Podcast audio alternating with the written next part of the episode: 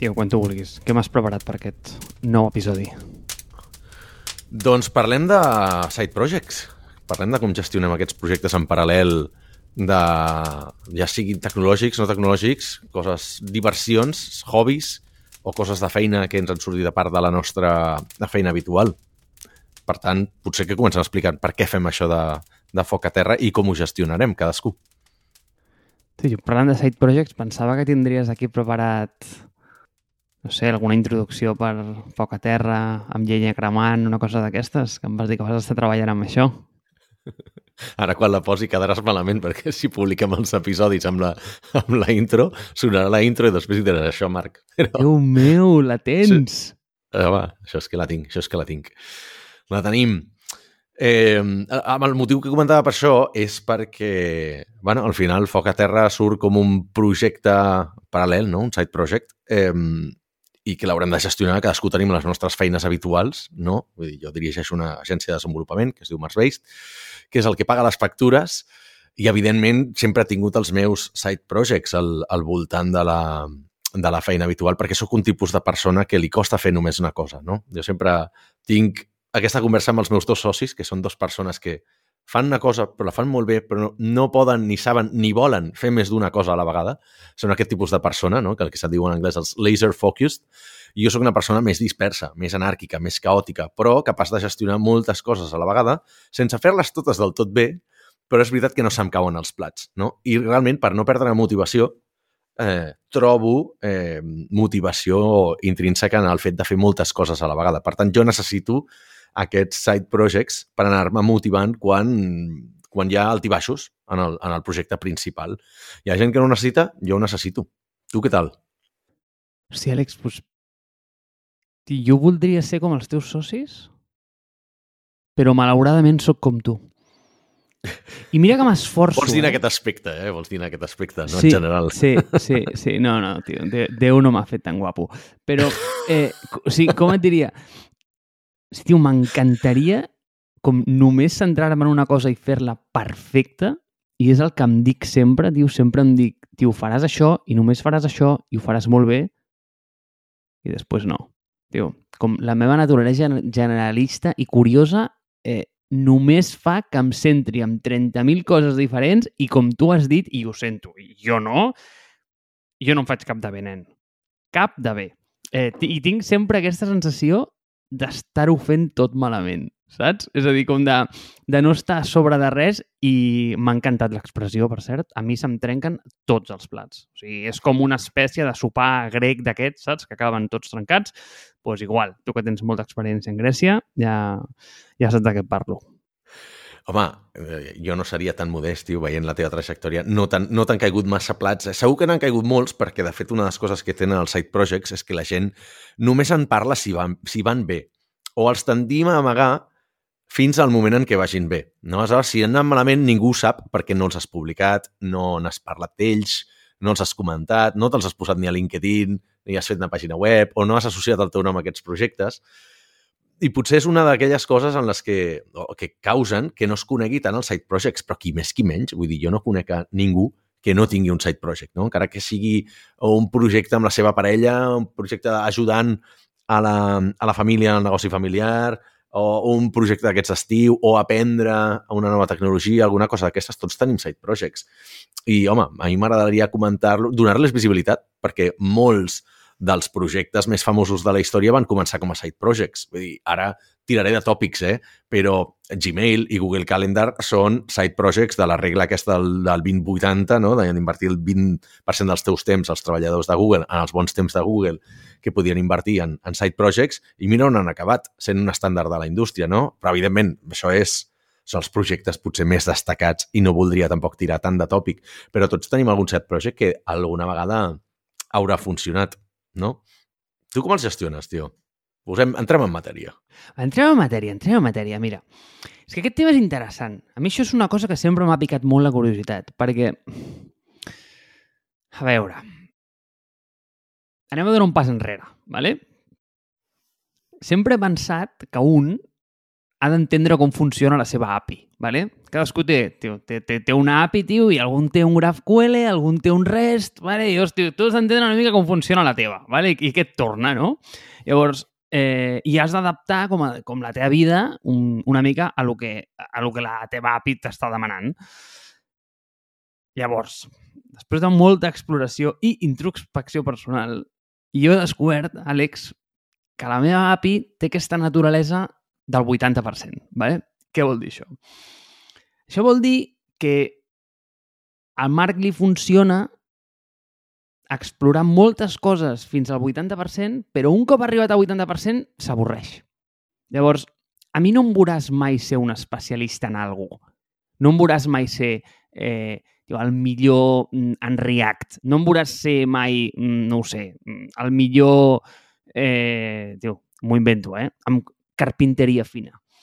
Però, diu, igual podem tenir tu i jo una conversa molt informada de nutrició, podem tenir una conversa molt informada de tecnologia, podem tenir una conversa extremadament informada de cotxes, eh, podem tenir una conversa molt, molt, molt, molt, molt informada d'història i de psicologia. Llavors, eh, i, i quasi, quasi, quasi que et puc dir que em podria dedicar a moltes d'aquestes professions, però el fet d'estar-hi dedicat únicament m'avorreix, però, en, però en el meu cap, i aquí és on trenca la meva API, tio, tio hi, ha, hi, ha, hi, ha, hi ha un glitch en el sistema, hi ha un bug, hi ha un bug bèstia, i no, mai l'he sabut trobar, ¿vale? I, i tio, no, no, i, i, és aquest, no? I és que eh, quan estic fent una cosa, una cosa d'aquestes, tio, em flipa centrar-me en allò, o sigui, m'encanta, però després, hòstia, eh, quan arribo al 80, m'avorreixo i necessito el següent.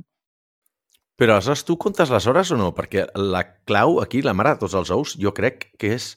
Si tu comptes... Hi ha dos tipus de persones, no? Les que compten les hores dels Side Projects i les que no. Quin tipus de persona ets tu? Perquè que, que tu no comptes les hores. jo sóc de les que voldria comptar-les, però no les compta, ¿vale? Val, et dic per què, eh? Perquè, o sigui, al final, tothom et diu... O sigui, la gent que no entén dels side projects et diuen, val, molt bé, vols ser un side project, sobretot les, les, les altres empreses o socis o, o gent amb la que tinguis una vinculació professional, diran, val, però compta les hores, perquè si al final tu fas 40 hores amb mi, però amb l'altre projecte fas 20 hores, t'estàs cremant, això repercutirà en mi, o a veure quina, quina repercussió té, o inclús si tu i jo muntem una cosa ara, tu voldràs saber quines hores li dedico jo, quines li dediques tu, per saber quina repartició del pastís tenim, no? Jo crec que aquí radica el gran error dels side projects. En el moment en què comences a comptar les hores, perverteixes el sistema. Perquè jo crec que els side projects estan basats més en la, en la passió, que és una miqueta el que estàs comentant tu, i realment les hores i el, diguem, més el professionalisme hauria de ser amb la feina del dia a dia, la feina que et paga les, la, les despeses, no? el que et paga el, man, el menjar, el que et dona, el que et dona a menjar al final, de, al final del mes. En canvi, els side projects han de ser més projectes que tu els has de portar per valor. Perquè si comences a comptar les hores, al final arribes a un model en el que fas hores per fer hores per complir la quota que has acordat amb tal persona o que inclús has acordat amb tu mateix. Aleshores, de vegades t'ompliràs les setmanes en les que tens menys motivació amb tasques petites, amb poc de significat, amb poc d'impacte i poc de valor, però simplement per omplir les hores. I això és una miqueta el que a mi m'ha passat històricament amb els side projects i per això vaig decidir deixar de comptar les hores ja no només a la, al, al, a, potser projectes en els que estic vinculats amb altra gent, sinó als projectes en els que vaig jo sol. Val? Llavors aquí ja podríem entrar en quin tipus de tasques i com ho fas per estar sempre motivat. Eh? Però jo crec que el model de comptar les hores en els side projects a mi no em funciona i potser també va lligat al tipus de persona que, que som i et diré una cosa més, lligat amb el que dius tu, eh? moment vital de cadascú. Sí, és superimportant, però t'has dit una cosa que és interessant. I és com... Tu creus que el fet de no saber què fer i el fet de tenir aquest avorriment et genera ansietat? Sí, sí. És una paraula molt gran, eh? Però tenir una conversa, per exemple, al Vicenç Martí, no? de, bueno, de mil empreses, però Tangelo, Welling, Billy Mobile, el Row, ell ho deia i em vaig sentir molt identificat quan el vaig entrevistar, que va comentar hi ha gent que som curiosos per naturalesa i amaguem la nostra, les nostres ansietats o les nostres carències uh, de, de qualsevol tipus a nivell vital en el fer moltes coses. Perquè aleshores així estem distrets sempre i no ens dediquem a allò que, que potser requeriria més de la nostra atenció. I d'alguna manera és bo i d'alguna manera és dolent, perquè és dolent si tu no et dediques temps a tu mateix o no acceptes el fet que, que, que puguis tenir certes carències, no? Però d'alguna manera és bo perquè saps que tens una manera de tractar-ho i aquesta és, doncs potser són els side projects, ajudant els demés. I com deia ell, i com diu molta gent, eh, famosa també, ajudar els demés és la manera, és, és l'egoisme portat a l'extrem. Perquè en aquest tipus de personalitat, ajudant els demés, al final el que estem fent és sentir-nos millor nosaltres mateixos. Per tant, realment ens estem ajudant a nosaltres mateixos. Tio, és que has tocat un punt que a mi m'agrada molt. Eh, I a més, tinc com una frase... És que sempre l'he sentit en anglès, no sé com es diria en castellà o en català, però... Provem-ho. A veure, o sigui, la frase és We derive value from motion. És... Derivem valor de l'acció, no? Ex- Sí, però és... Sí, sí, alguna així, no? Com, com que el De fet d'estar fent coses et dona la sensació de de que t'està omplint, però ho fas únicament perquè tens por a parar. És a dir, perquè tens por a sentir Sí. el buit. Saps? Vull Sí. dir, a, aquesta sensació de eh, anar a cagar sense el mòbil, saps? Tio, no, no, és que és molt heavy, Àlex, tio. O sigui, és que això abans no passava. O sigui, abans, literalment, quan estaves esperant l'autobús, no podies fer altra cosa que mirar el terra, el cel o els ocells. O sigui, no podies Parla per tu. Jo em portava la Game Boy sempre. Jo estava enganxat a la Game Boy. Ah, Déu meu, tio, abans que existís això, home. Va, ja Abans que existís la Game Boy, jo no, no podia agafar un autobús, Marc. Igual tenia 3 anys quan va sortir la Game Boy. Però t'entenc, t'entenc. Eh, de fet, a mi em passa amb els projectes aquests. Hi ha molts projectes, per exemple, i una de les coses que tenen els, els side projects, i crec que, que tenen a veure també amb projectes de comunitat, és que solen, ser molt projectes acumulatius. És a dir, que pel simple fet d'anar-hi treballant a poc a poc i d'una manera incremental guanyen en valor.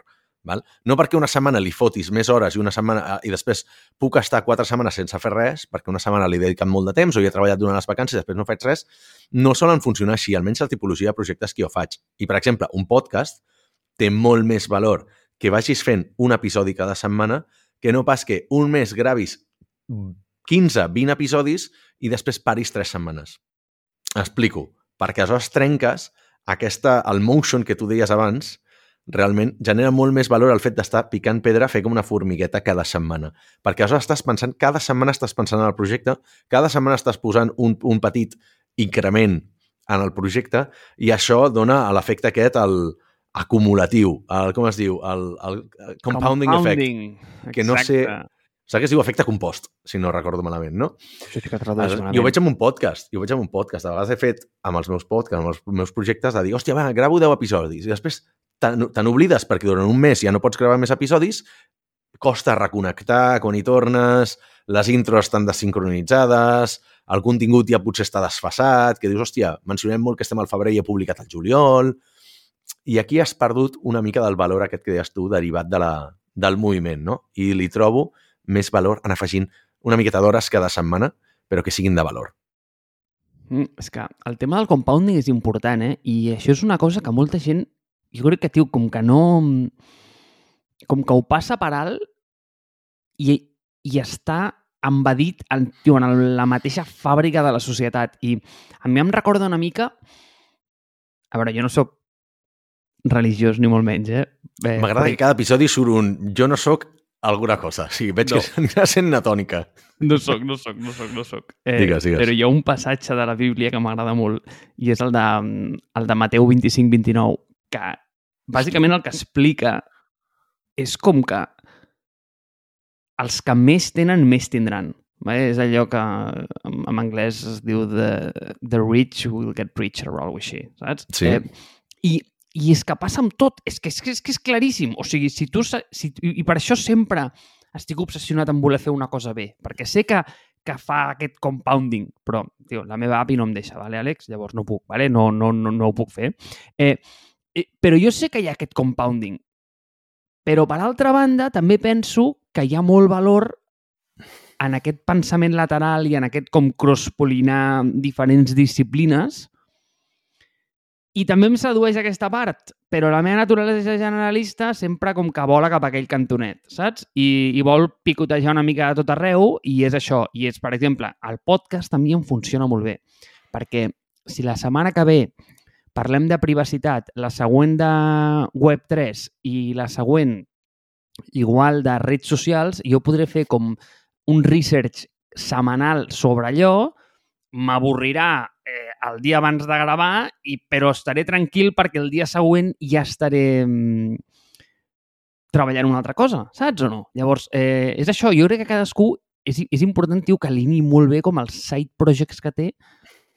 Per cert, em fa molta gràcia, i això ho comparteixo amb un amic, i si algun dia m'està escoltant en aquest podcast, li dedico un vell, eh, agafem paraules en anglès i les catalanitzem, ¿vale? I, per exemple, side project queda molt xulo, perquè s'escriu S-A-I-T-P-R-O eh, G-E-T-T.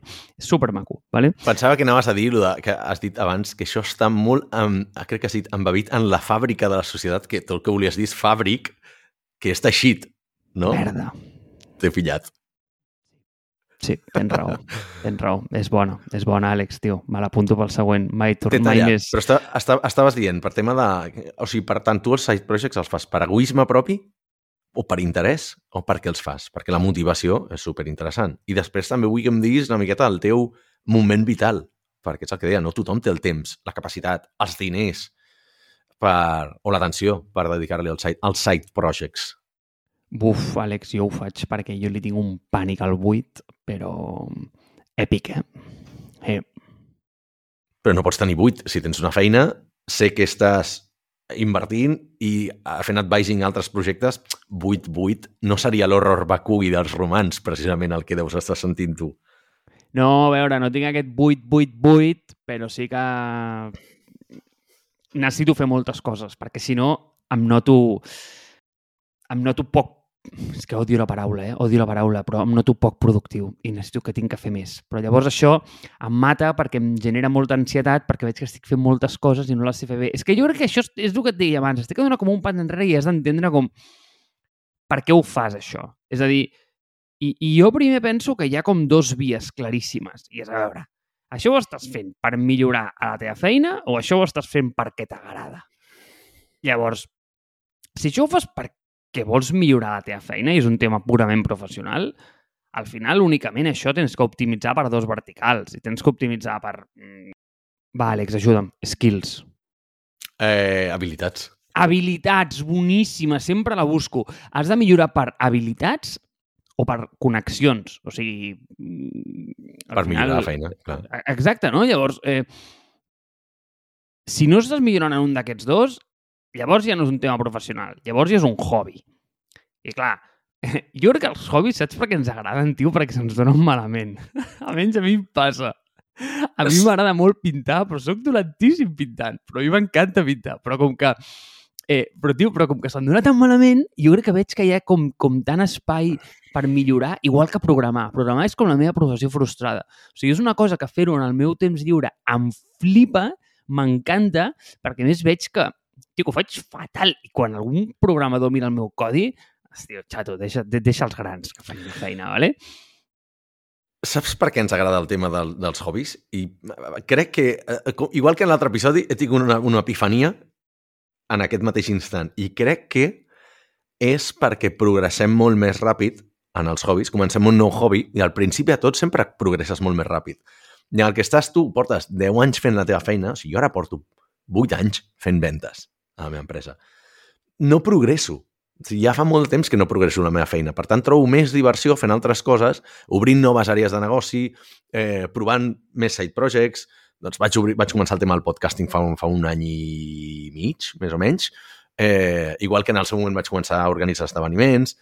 Igual que aquest any he començat a tocar el baix fora de la feina, no? I jo tocava la guitarra de feia molt de temps, però estava frustrat amb la guitarra perquè no progressava, sóc molt dolent tocant la guitarra, però amb el baix, bueno, he arribat més ràpid al punt de no progressar que, no, que els 10 anys que vaig trigar amb la guitarra, perquè potser li posat més passió, potser tenia una base, però també és veritat que he progressat molt més ràpid al principi. I aleshores per això també li has fotut més ganes, perquè el, el segon instrument que comences a tocar progresses molt més ràpid que el primer. Passa el mateix amb els llenguatges de programació, passa el mateix amb els idiomes i amb tantes altres coses. Però, no sé, quan has explicat això, se m'ha encès la, llum, la, la llumeta i he pensat, calla, a veure si tindrà a veure amb això, que és amb la, crec que és la dopamina, no? És la, la, la substància aquesta que genera el cervell quan tens les, les, les recompenses. i el fet de progressar més ràpid amb una cosa nova et va generant més recompenses, més, més, eh, més com es diu això? Ara, ara m'ajudaràs tu. Eh, rewards, oh, no, són recompenses, no? Recompenses immediates, eh, curtplacistes, pel fet d'estar de, assolint certs, home, certes fites dintre d'aquest progrés, no? M'he anat molt filosòfic, eh? Vull dir, que no, que no, per... que, que m'encanta. I és que al final el que has dit és que té un nom. Això és una progressió logarítmica de llibre. O sigui, al final, tu al principi... Clar, clar, o sigui, tu al principi clar, clar. progresses molt ràpid, però hi ha un munt de fenòmens que funcionen així. Per exemple, eh, la riquesa en els països i amb la felicitat. La riquesa amb, amb la felicitat és absolutament logarítmica. Tio, al principi, quan et falta de tot i, i no tens ni menjar, ni un habitatge, ni, ni tens un, una seguretat de que tindràs eh, un bon sistema de sanitat, etc, etc, etc, tio, tens un problema de l'hòstia i llavors, al principi, quan comences a tenir uns dinerons per poder cobrir aquestes necessitats bàsiques, ei, la cosa puja molt ràpid, però anem a dir que quan la teva diferència està amb que el teu iate eh, és 3 metres més petit que el del veí, Llavors, igual ja no ets tan feliç en aquest sentit, saps? O sigui, això ja no... El, els deltes de diners ja no mm, tenen un, un retorn molt gran en, en, en felicitat. Llavors, per això et dic, eh, a, mi, a mi igual, si és que a mi programar em flipa, però quan entro massa en profunditat eh, i, i es fa com ja més difícil progressar i tal, tio, eh, avorrit, eh, m'avorreix, Àlex, m'avorreix, i, i, i, ho deixo. Llavors em poso, pues, això, pues, pues, a pintar. I quan veig que li estic dedicant masses hores, ne, llavors a una altra cosa, saps? Però saps com et distribueixes el temps tu entre projectes? Perquè tinc curiositat, perquè tu sembles una persona molt immersiva, o sigui, fas moltes coses a la vegada, que no comptes les hores, però a la vegada també et veig un tio com molt organitzat de, de treballar molt bé, de tenir molt clars els límits entre una feina i una altra, però no sé, té pinta que tu pots encabir els side projects dintre la jornada laboral i no deixar-los pels caps de setmana ni per les nits, que és el que faria la gent normal, eh? I amb això no t'estic dient que tu no siguis normal, però és veritat que tu i jo, molt normals, tampoc ho som. No, igual per això som amics. Però... Eh, però què et que, diria? Que bonic. Eh, sí, dos, dos tios raros que s'han fet amics així pel camí. No, però eh, com et diria? És que tens raó. És que de fora a mi se'm veu molt ordenat. I, oh, el Marc, sí, té molt ordenat. Jo, Marc, de dintre és un puto caos. O sigui, és un caos. O sigui, no, amb això som vol. iguals. Amb això sí. som iguals. De fora semblem organitzats, però per dins, mare meva. Llavors, i tornem a la temàtica de, de, que t'estava comentant abans. O sigui, el que voldria i el que és. Què voldria? Doncs pues a mi m'encantaria tenir el meu calendari, ¿vale? Pues que cada dia... Sí, sí, sí, no, no, t'explico com lo de vida, tio. O sigui, com, com que cada dia a les, a les 5 i mitja hi ha un hueco de 5 i mitja. Déu meu, un hueco, Àlex, per favor. Un, un buit, una vacant, un forat, però un hueco no, home, un hueco no. Va, jo o sigui, ja sé que digui... no, no ens donaran mai subvencions, eh, per, per Ostres, catalanitat. ja ho tinc, ho tinc força coll avall. Però bueno, què podíem esperar de dos nois de Barcelona, saps? Vull dir que tampoc... No, però sí, però, però si em dones expressions com coll avall, això està bé. Això compensa, jo... no, no compensa Hueco, no hi ha res que compensa Hueco, eh? No, no hi ha res, no hi ha res. Bueno, és que anava, anava, anaven a pitjor perquè estava a punt de dir des de luego, o sigui, imagina't. Eh, ja, ja, ja. Hòstia, Marc.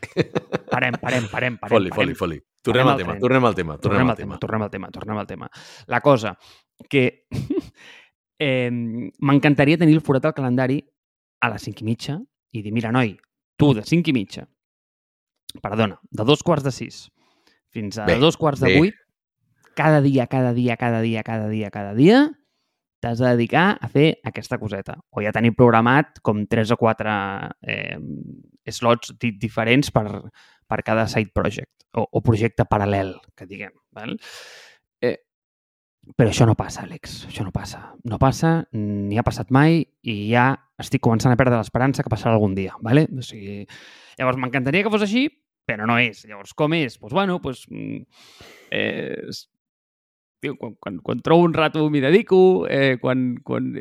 Però sobretot intento això, eh? Intento com capitalitzar coses d'un cantó cap a l'altre. Sempre el que intento és això, o sigui, no fer aquest efecte compost, però sí aquest efecte de, de cross-polinar, saps? Eh, idees. I, ostres, si puc utilitzar el que he après aquí per aplicar-ho allà, em fa molt feliç aquestes coses, perquè penso, ah, mira, tio, li has guanyat una batalla a la vida, saps? No la guerra, però una batalla. Jo, de fet, mira, eh, i és curiós, eh, perquè és un debat intern que tinc a mi mateix, perquè, clar, vaig començar més Startup Grind com a side project, a l'empresa, no? Després la vam acabar incorporant dintre de Marsbase perquè, bueno, per decisió, decisió estratègica i perquè deixés de fer més hores que un rellotge, no? Però, per exemple, sempre he tingut els meus side projects right, no? Ajudar a fer una web a tal persona, fer una miqueta d'advising aquí, tots els temes d'inversió... I al final, la regla que estic jo utilitzant ara és la de no hi ha regles, val? I diràs, hòstia, tio, com funciona això? És ben fàcil. O sigui, jo intento, jo faig un, un best effort, no? O sigui, jo intento cada setmana el que, el que deia abans, fer una petita millora incremental a cada projecte. Val? I sé, sé que cada setmana tinc una tasca que és fer una tasca a X projecte. En aquest cas, doncs, aquí seria doncs, fer una tasca per foc a terra, igual que doncs, aquesta setmana doncs, he estat fent les proves amb la intro de, de la, de la llenya cremant, que encara no has sentit. Però la setmana que ve, vés a saber, la setmana que ve segurament serà doncs, fer el perfil de Twitter o, o ja preparar l'estratègia de comunicació, el que vam dir, no? Una tasca. I de vegades és veritat que si estic molt motivat puc fer-ne vàries, però és el que et deia, intento no fer-ho, intento distribuir-me-les, trencar-les en tasques més petites per anar deixant una miqueta per cada setmana. Perquè és que aleshores així m'asseguro que cada setmana hi treballo. Però com et deia, al final quina és la regla que impera per sobre de tot això? La de no hi ha regles. Perquè hi ha urgències, hi ha moments vitals, hi ha coses que passen per sobre a nivell d'importància i d'urgència doncs, de la teva feina principal o de la teva vida personal que farà que un parell de setmanes no t'hi puguis dedicar. I això m'ha passat recentment al podcast de la meva empresa, hem estat 3-4 setmanes sense publicar. bueno, no és que sigui un side project, però és veritat que dintre de l'empresa és un side project meu, perquè el meu projecte personal, el meu projecte principal és fer ventes per l'empresa i fer de CEO un podcast no forma part de l'estratègia de CEO i és una miqueta el side project que tinc dintre l'empresa. I ha caigut, durant unes setmanes ha caigut i, i a mi m'ha sabut greu perquè perds l'efecte acumulatiu aquest que dèiem, no? l'efecte compost, perds motivació perds motivació, desconnectes una miqueta i sobretot l'audiència en aquest tipus de projectes doncs se'n veu molt ressentida. Per tant, d'alguna manera, Marc, fem-ho bé. De tot el que hem après en tots aquests, en aquests anys fent side projects, que segur que no, no me'ls has dit els teus, però té, té pinta que n'has fet molts en els últims 10 anys, per dir alguna cosa, uh, apliquem les lliçons apreses en aquest side project que es diu Foc a Terra. Tio, boníssima, eh? eh és que això m'ho has d'explicar i veus, ara mateix ho acabes de descriure. És, què és el que m'agradaria fer, però no faig? Aplicar aquest Kaizen en aquestes coses. No ho faig mai. O sigui, sóc absolutament binari. O sigui, és o 1 o 0. Eh, on passo 3 dies seguits mmm, donant-li en el mateix side project o em passo 3 mesos sense fer absolutament res. I això és dramàtic. Això és dramàtic. M'encantaria ser com aquesta formigueta que fa una mica cada dia. Però, Déu meu, no saps quan em costa. Però Eh, el que tu dius, Àlex, mm, històries per side projects. Eh, segur que en tenim per avorrir. Així que va, que ens acostem a la mitja hora, dona'm la teva, va. Una història de side project. Doncs el millor. Mira, hòstia, no, a veure, el millor segurament hauria estat el de, el de Startup Grind, perquè ha estat el, el, el side project que millor ha funcionat.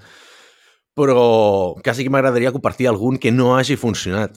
I i, I en tinc diversos. Jo ajudo molta gent a muntar-li la seva pàgina web, val? perquè al final, doncs, com a programador o com a referent tècnic de molta gent a la meva família, al meu entorn, tothom vol que li faci la pàgina web. Jo encantat, jo els hi faig a la pàgina web, però arriba un punt en el que això no és sostenible perquè comença a demanar-me més coses. Jo no puc convertir-me en el seu proveïdor. Aleshores, dos lliçons apreses aquí. Una és la de no deixar les expectatives ben clares amb la gent. I dos, és veritat que una de les altres coses que he après amb els side projects és que no els veiem sempre.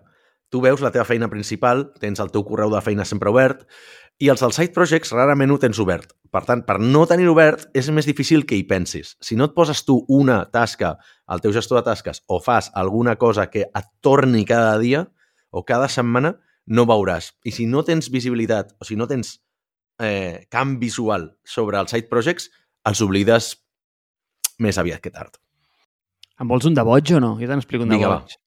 Ah, aquest et Vinga. sorprendrà. És que igual no saps la història. Tu saps quin era el meu side project fa dos anyets i poc? Fot-li. Mm, Sorprèn-me. Doncs pues era Gamestreet, tio. Mira. Tio, Gamestreet va començar exactament com tu has dit. eh, munta'm una web. Perquè, com et diria, tenia aquesta curiositat de dir, vinga, va, Marc, que ara és el teu moment de programar. I em vaig venir amunt, saps? I tenia com tres projectets que estava programant per ells i un d'ells era Gamestry. El que passa és que va començar a funcionar, va morir d'èxit, com si diguéssim. Va començar a funcionar, a funcionar tan bé que quan van entrar els desenvolupadors de veritat em van dir, vinga, guapo, anda, vés a vendre, que és el que se't dona bé. No. I has passat de side project a projecte principal. Vull dir, això també pot passar. Exacte, i passa sovint i mira, a mi m'ha mm, passat amb Gamestry i és una bona edició i, i has dit una cosa que m'ha fet molta gràcia perquè això sempre ho pregunto a molta gent et don crèdit cada vegada que ho faig. T'ho juro, eh? T'ho juro, perquè això ho, ho he tret de tu. I és una pregunta que fas a molta gent que m'encanta. Eh, I que ara no... Jo, jo l'he pensat mil cops, eh? I en tinc mil. Però sempre li preguntes a la gent com quin és el seu superpoder inútil, saps? pues, eh, jo en tinc diversos de superpoders inútils, però algun dia te n'explicaré alguns. Podríem fer un episodi de superpoders inútils algun dia i crec que seria super interessant. Crec que revelen molt la manera de pensar i d'actuar de la gent. Ui, flipes, eh? Tu, tu en tens molts o no? Jo sí, eh? Jo en tinc molts i estic pensant en obrir una secció a la meva pàgina web per llistar-los, perquè cada dia se m'acut un de nou. Per tant, deixarem aquí el hype, si et sembla. Wow. M'encanta aquest nou episodi que ha sortit de superpoders inútils, eh? l'afegim a la llista i així podem donar per tancat aquest. Què et sembla, Marc? O sigui, em sembla que ara entenc que sentiré so de, de flames, encara que ara no el senti. Si tot va bé, sí. Wow. Si t'agrada. I ho acceptem, perquè si no l'episodi sortirà així. Compro.